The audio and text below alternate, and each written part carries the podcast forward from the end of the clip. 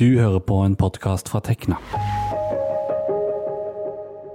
Om et år så tror jeg ikke det hadde vært så mye forskjell, men om ti år så tenker jeg at vi hadde hatt mye mindre medbestemmelse på jobb. Dessverre så tror jeg at eh, ledelsen kanskje hadde tatt noen avgjørelser de ikke burde ha tatt, så jeg tror det hadde blitt et dårligere sted å jobbe.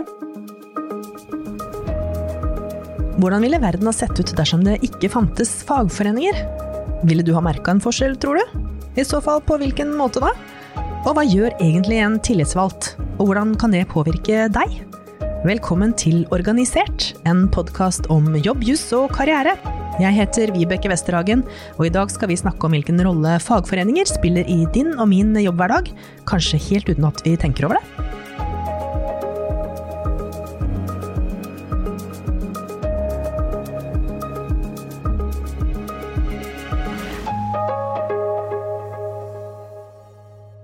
I Norge så er det så mange som ca. 1,2 millioner yrkesaktive fagforeningsmedlemmer. Eller 1,8 millioner totalt. Og det høres jo veldig mye ut, men samtidig så blir vi flere lønnsmottakere, så det vi kaller for organisasjonsgraden, altså andelen som er medlemmer, den er faktisk synkende.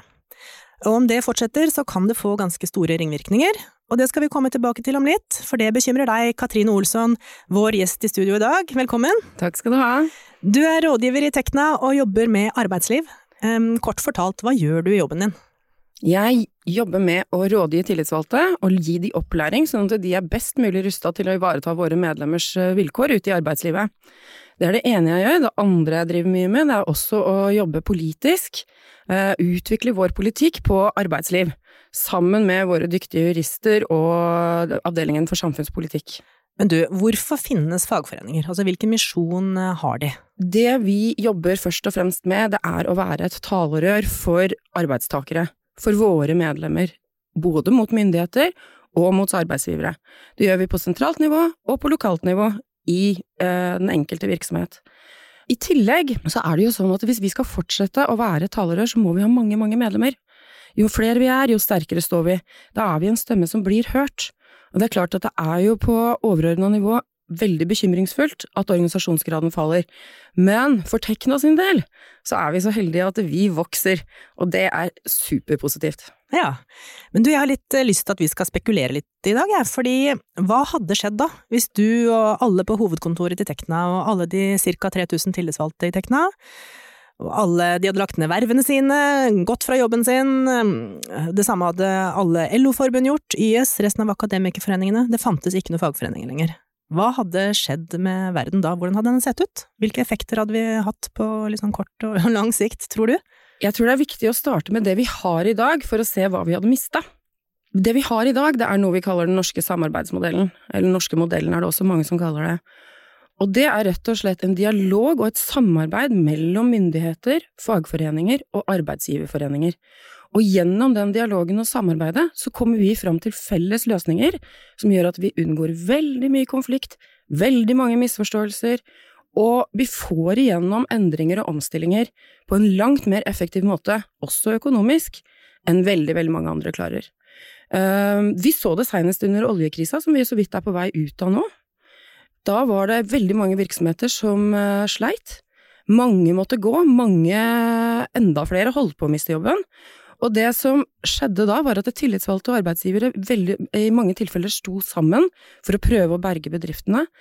Og de medlemmene som sto i fare for å miste jobben, eller faktisk mistet jobben, fikk hjelp av både tillitsvalgte og fagforeningene sine. I tillegg så var organisasjonen i tett dialog med myndighetene for å prøve å komme opp med løsninger.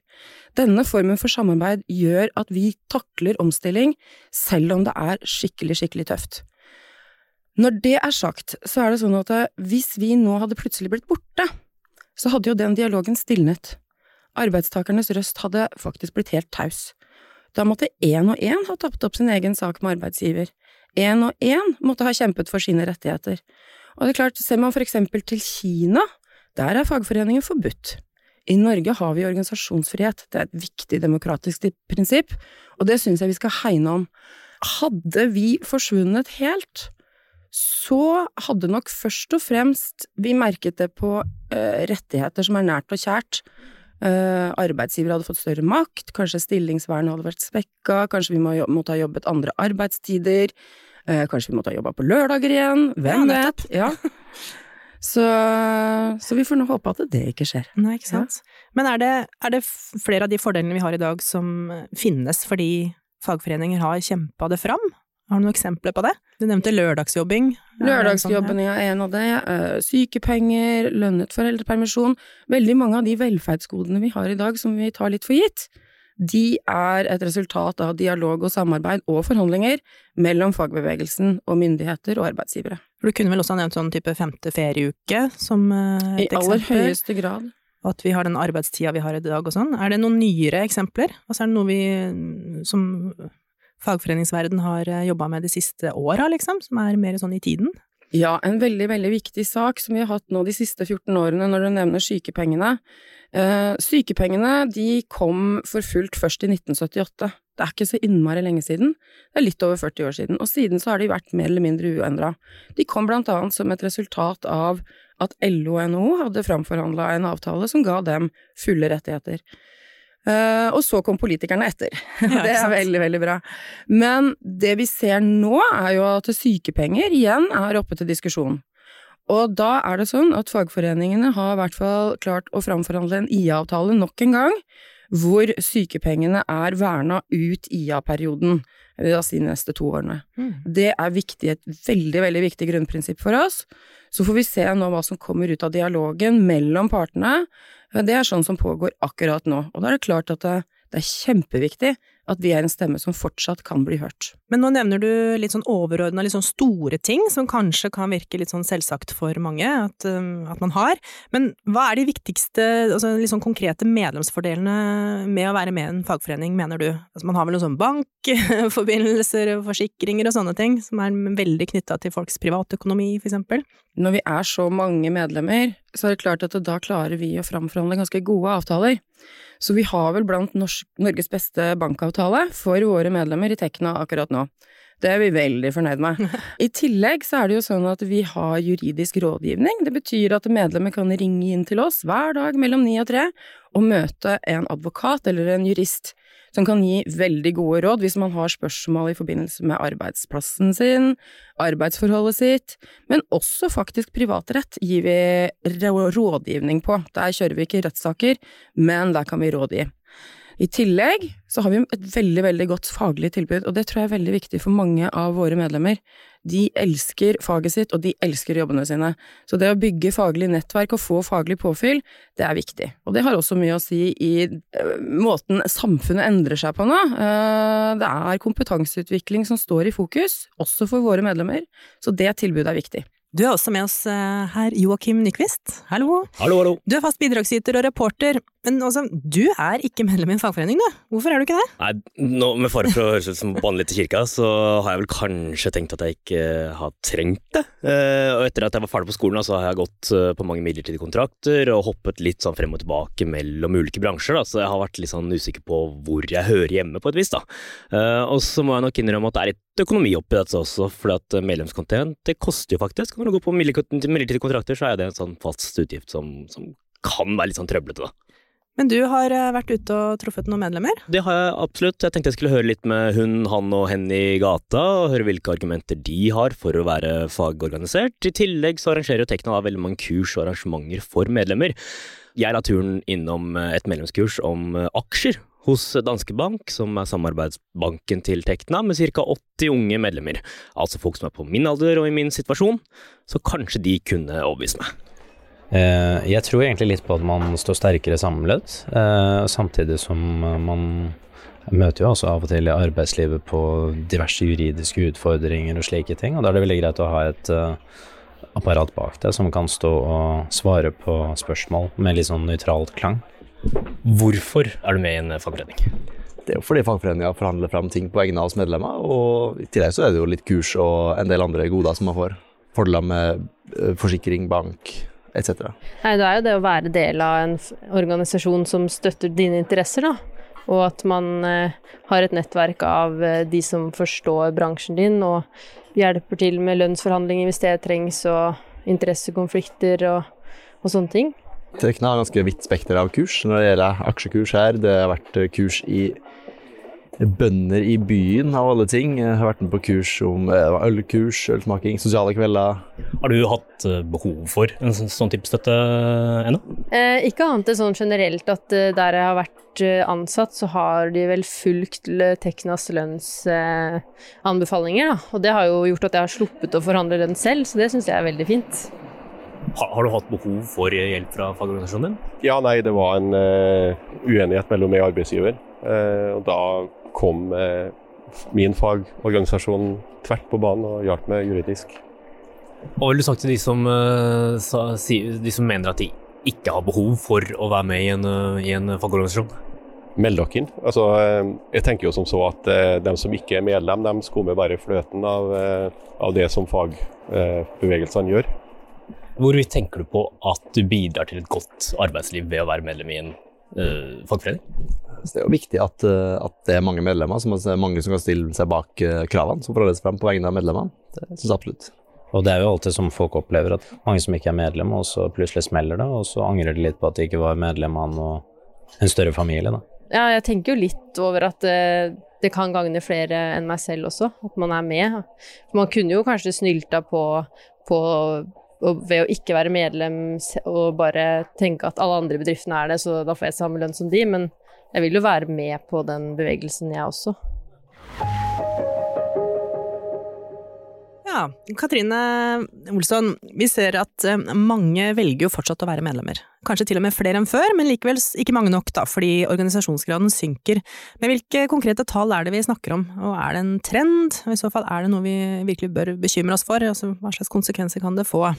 Det som er en stor utfordring, er at eh, organisasjonsgraden har falt jevnt og trutt de siste ti eh, årene, og vært stabil lenge, eh, men på rundt 49 Og det er det store tallet. Men hvis man brekker det opp og ser offentlig versus privat sektor, så er tallene mer bekymringsverdige.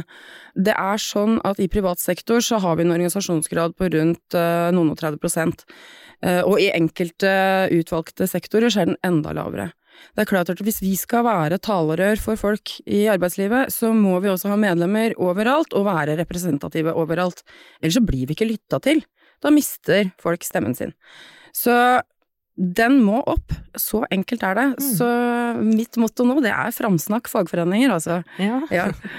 Men da jeg forberedte meg til i dag, så leste jeg eh, blant annet en Fafo-rapport der det kom fram at unge er blant dem som er mest eh, positive til fagforeninger. Er det noe Tekna merker, eller? Vi merker det kjempegodt. Ja. Eh, Vi hadde en vekst nå i inneværende år på rundt 5000, og av de 5000 blanke, fine medlemmene, så er 4500 under 38 år. Ja? Det er veldig positivt. Men hvem er det som lar være å melde seg inn her i fagforeninger, da? Nå har vi Joakim her, altså.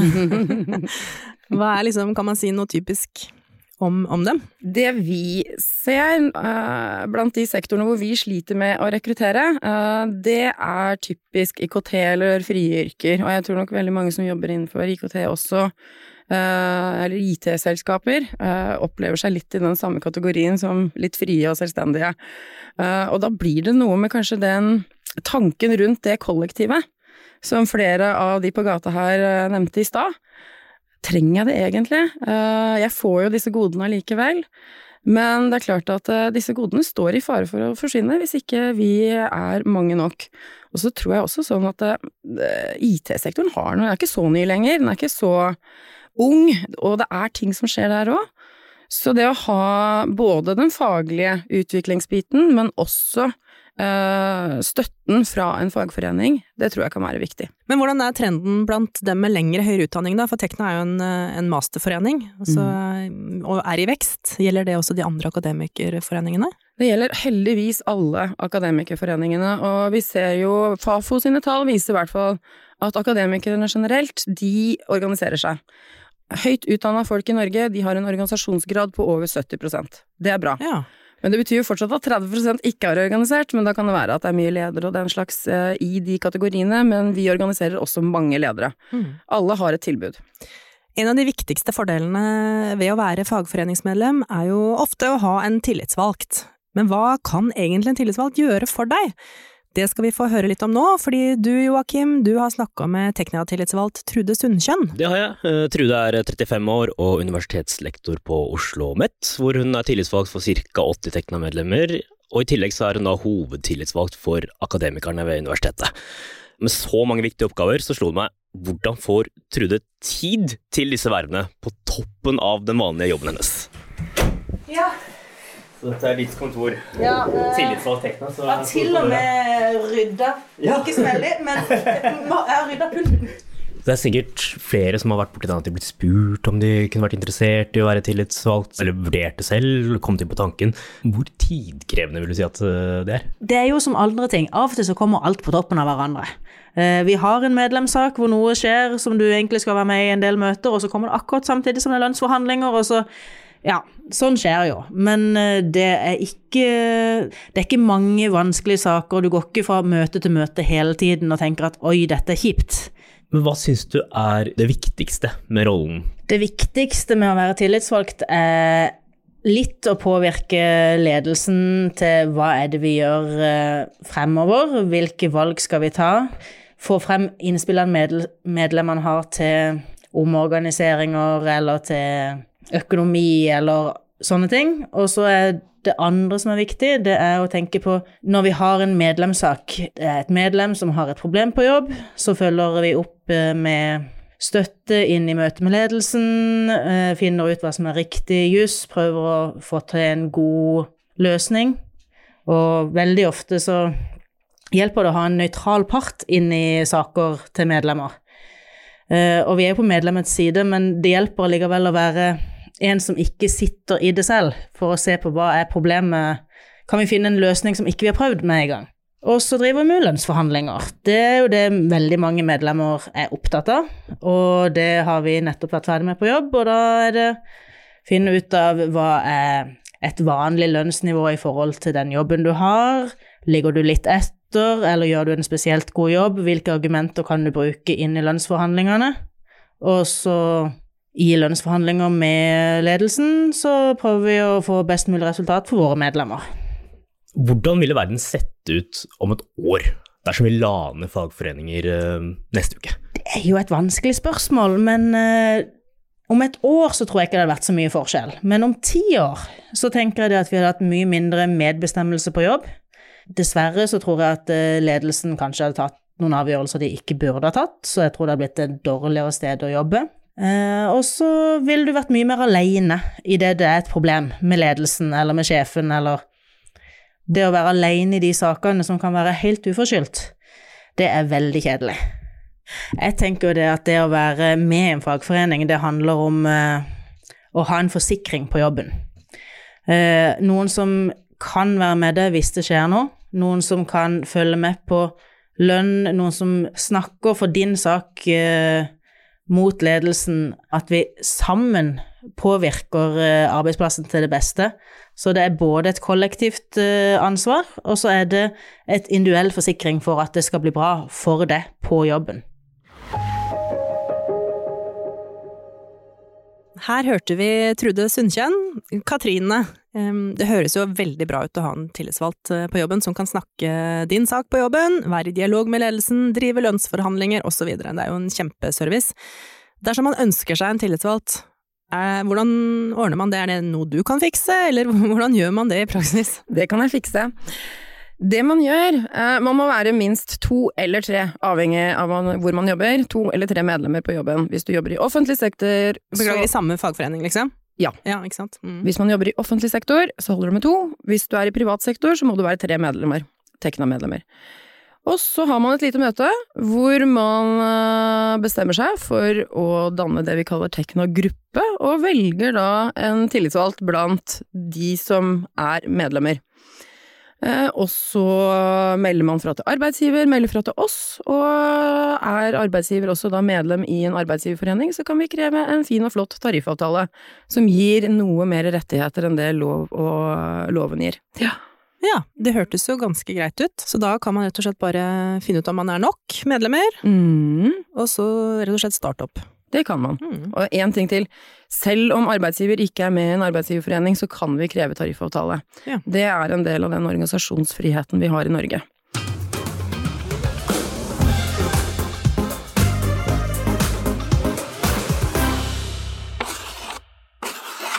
Da er det tid for vår faste spalte To streker under svaret, der vi svarer på spørsmål fra deg som eh, hører på. Og spørsmålet i dag er det du, Katrine, som skal få lov til å svare på. Og det er fra en lytter som eh, skal utenlands. Og det lyder som følger Hei, jeg har fått mulighet til å jobbe et år i Australia.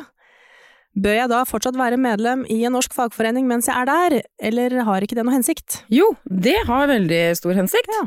Eh, Det er nemlig sånn at hvis du er medlem i Tekna, og du reiser til Australia, så har vi en eh, samarbeidsavtale med en samarbeidende fagforening der nede.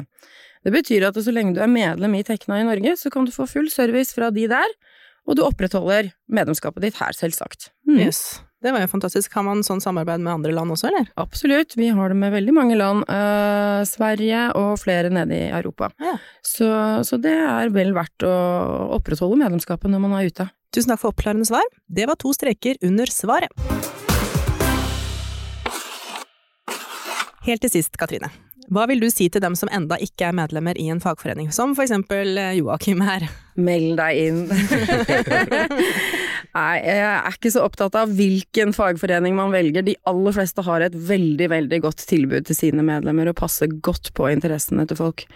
Så det er viktig at folk ser verdien av dette, og min erfaring, jeg er selv fagorganisert, det er at jeg sparer ganske mange tusen kroner eh, på det hvert år. Kontingenten, den er nå én sak, men det jeg sparer på bank og forsikring eh, gjør at det går opp, opp i opp og vel så det. Ja, det er litt skattefradrag og sånn også, er det ikke det? Jo da, det er det. Og, men til alle andre der ute som allerede er medlemmer, så vil jeg si hvis du er fornøyd med medlemskapet ditt, snakk om det.